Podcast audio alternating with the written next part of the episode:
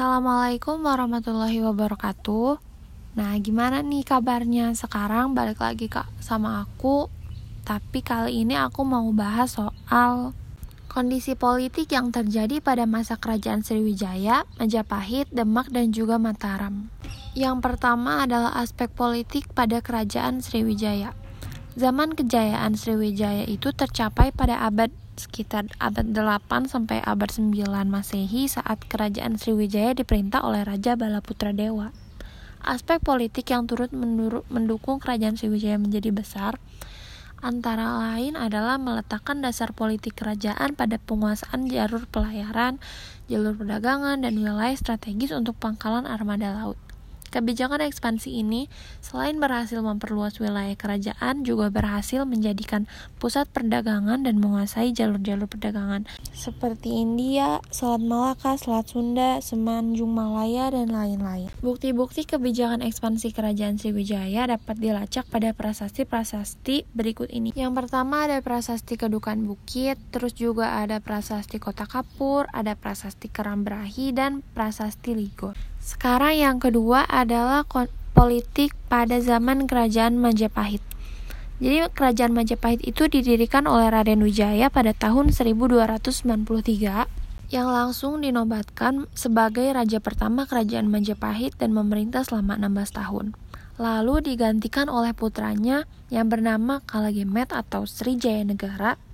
Sri Jaya Negara memerintah Majapahit antara tahun 1309 sampai 1328. Nah sayangnya dia ini dibunuh oleh Damaputra Winusukatanca, seorang tabib yang dendam pada Jaya Negara.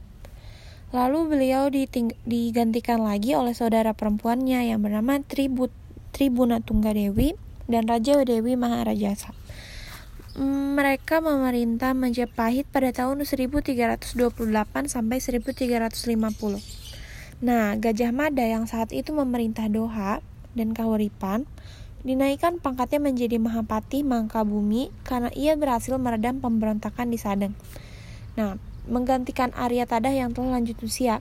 Gajah Mada mengucapkan ikrar dan disebut Sumpah Palapa. Sampai suatu waktu Tribun Tribun Wanatunggadewi digantikan oleh anaknya Hayam Buruk pada tahun 1350.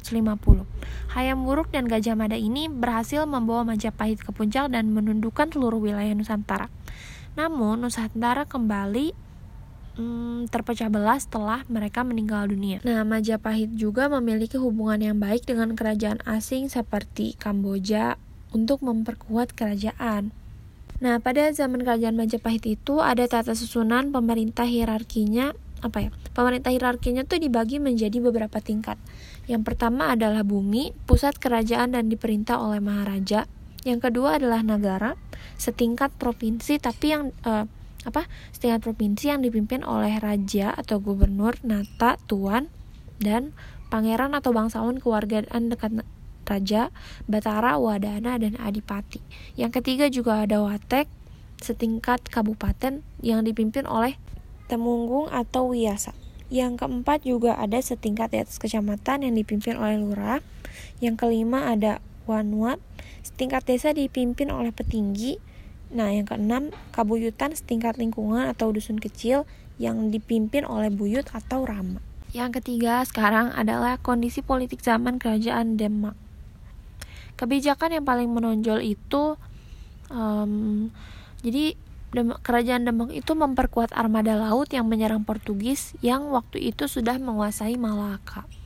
Pada tahun 1513, di bawah kepemimpinan Pati Unus, Demak menggunakan kapal jenis Jung untuk menyerang Portugis di Malaka. Nah, baru deh pada tahun 1527, Sultan Tenggang sebagai penguasa Demak memerintahkan Fatahillah untuk memimpin penyerangan ke pelabuhan Sunda Kelapa yang tujuannya itu untuk mengusir Portugis. Mereka berhasil dan mengganti namanya menjadi Jayakarta. Sekarang itu aspek politik pada zaman kerajaan Mataram. Awalnya itu ada pemberontakan para bupati yang tidak mau tunduk pada Mataram seperti Bupati Lasem, Pati, Tuban, Surabaya, Madura. Nah, Mataram juga menghadapi ancaman dari kerajaan Banten dan VOC dari Batavia. Sejak 1615, Sultan Agung menyerang para bupati daerah pesisir sehingga Semarang, Jepara, dan lain-lainnya itu bisa ditaklukkan, tapi kecuali Surabaya. Kemudian, Mataram menyerang Surabaya dan dapat dikuasai pada tahun 1625. Pada tahun 1641, Malaka jatuh ke tangan Belanda. Belanda menguasai jalur perdagangan laut di Nusantara. Nah, sepak terjang Belanda ini menyulitkan menyulitkan Mataram sehingga membuat mereka apa namanya memutuskan buat mm, perlawanan terhadap Belanda. Usaha tersebut terhenti saat Sultan Agung wafat yang kemudian digantikan putranya yang bernama Amangkurat Agung.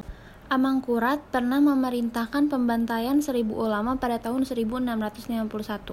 Nah, kebijakan Amangkurat ini menimbulkan perlawanan dari bangsawan Mataram. Setelah wafat, Amangkurat digantikan oleh putranya yaitu Amangkurat II.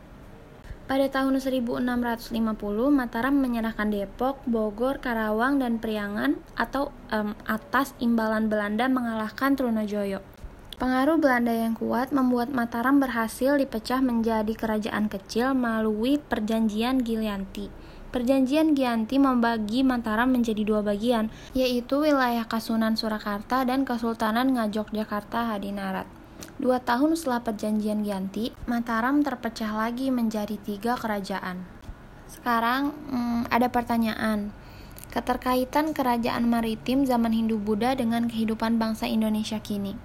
Jadi gini, waktu zaman itu untuk kelanggengan kekuasaan raja tuh hmm, maka diambil sumpah setia bagi seluruh keluarga raja serta pejabat kerajaan. Bagi siapa pun yang melanggar akan terkena kutukan jahat dari raja kalau kita lihat zaman sekarang tuh semua pejabat itu yang terpilih dalam semua pejabat yang terpilih dalam pemerintahan saat pelantikannya tuh diambil sumpah jabatannya yang semoga aja sumpahnya itu benar-benar mereka seri serius dilakuin. Setelah itu ada juga hmm, ciri khas kerajaan maritim itu senantiasa dulu itu senantiasa memiliki armada militer laut dan pelayaran yang kuat untuk memperluas wilayah kekuasaan sekaligus mempertahankan wilayah mereka. Nah, hmm, per, apa namanya? keterkaitannya dengan zaman sekarang itu kan sekarang pemerintah Indonesia membentuk TNI Angkatan Laut dengan armada kapal yang canggih juga persenjataan yang memadai. Jadi mungkin segitu aja dulu podcast aku kali ini. Jangan lupa nanti dengerin lagi kalau misalnya aku bikin podcast lagi. Terus juga special thank you buat apa namanya buat Kak Ubaidillah yang dengerin ini sampai akhir yang apa ya ini banyak banget kurangnya tapi aku janji bakal belajar lagi juga gimana ya. Terus juga aku nggak tahu apa ini kedengaran kayak podcast atau enggak tapi anggap aja ini podcastnya versi aku gitu ya. Sekali lagi terima kasih banyak. Wassalamualaikum warahmatullahi wabarakatuh